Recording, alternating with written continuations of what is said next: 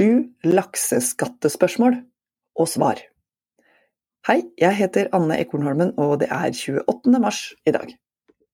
Forslaget til grunnrenteskatt på oppdrett er justert og flikka på, men fortsatt like kritisert og fortsatt like nødvendig. Spørsmål 1. Blir regjeringas nye forslag til grunnrenteskatt på havbruk omfavna av oppdrettsnæringa? Nei. Det ville også vært overraskende.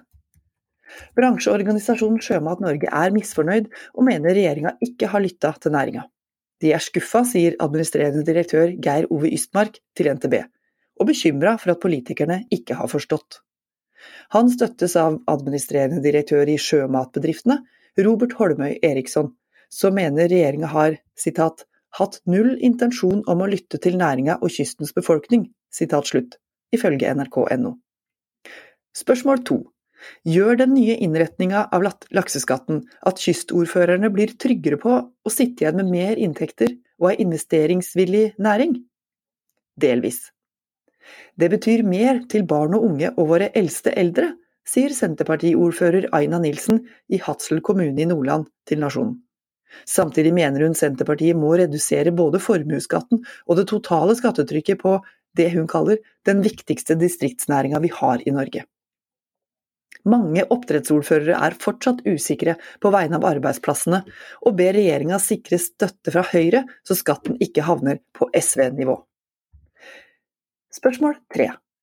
Kan Støre-regjeringa få til et bredt forlik på Stortinget om dette lovforslaget? Tvilsomt. Høyre har vært oppdrettsnæringas beste venn i kampen mot lakseskatten, uansett hvor hult budskapet lyder når de etterlyser enda mer utredning. Den offentlige utredningen Skattlegging av havbruksvirksomhet fra 2019 ligger fortsatt i bånn her, støtta av flere økonomiprofessorer.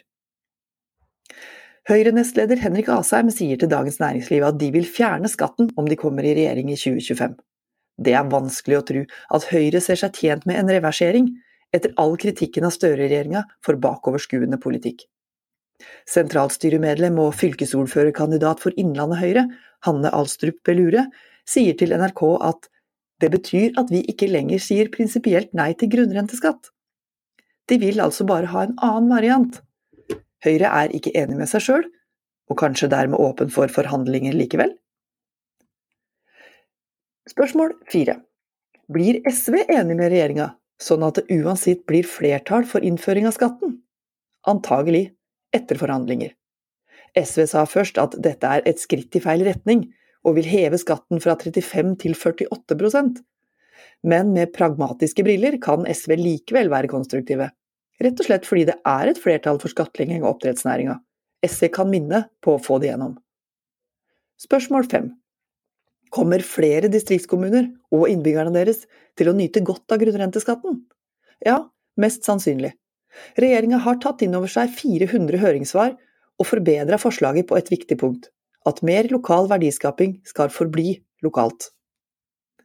Kommunene vil sitte igjen med alt som hentes inn på produksjonsavgifta, 90 øre per kilo, samt en større andel fra auksjonsinntektene som i dag fordeles gjennom Havbruksfondet.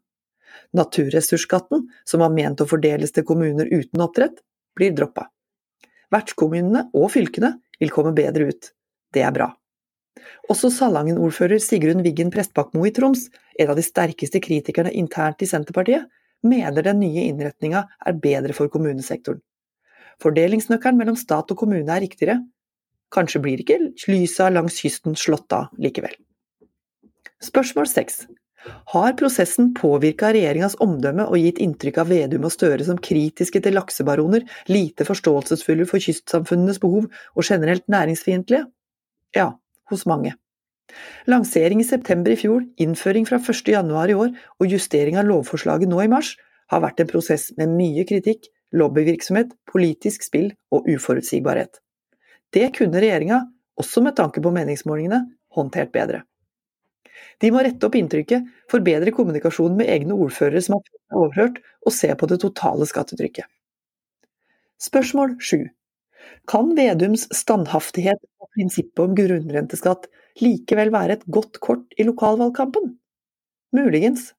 Det er stor forståelse for å skattlegge overskuddet fra naturressursbruk, sånn som vi gjør med vann og olje, for å styrke fellesskapets velferdstjenester. Hitra-ordfører Ole Lauritz Hagen tror det er mulig for regjeringa å bøte på stemmetapet de har opplevd langs kysten. Dessuten har vi hørt lite fra innlandskommunene om denne saken. Støre siterer gjerne tidligere Ap-ordfører i Stange, nå avdøde Nils A. Røne, som minna om at han leda en kommune som verken har fisk, vannkraft, vind eller olje. Sitat, men vi har eldre mennesker. Ingen mener at Stavanger kommune skal sitte igjen med alle skatteinntektene fra oljeindustrien. Verdiskapningen fra bruk av landets naturressurser må komme alle innbyggerne til gode, uansett hvor de bor. Derfor er lakseskatten kommet for å bli. Jeg heter Anne Ekornholmen, og nå har du hørt Nasjonen på øret. Vil du ha flere kommentarer på lyd, finner du dem på nasjonen.no, eller der du leser og hører dine podkast.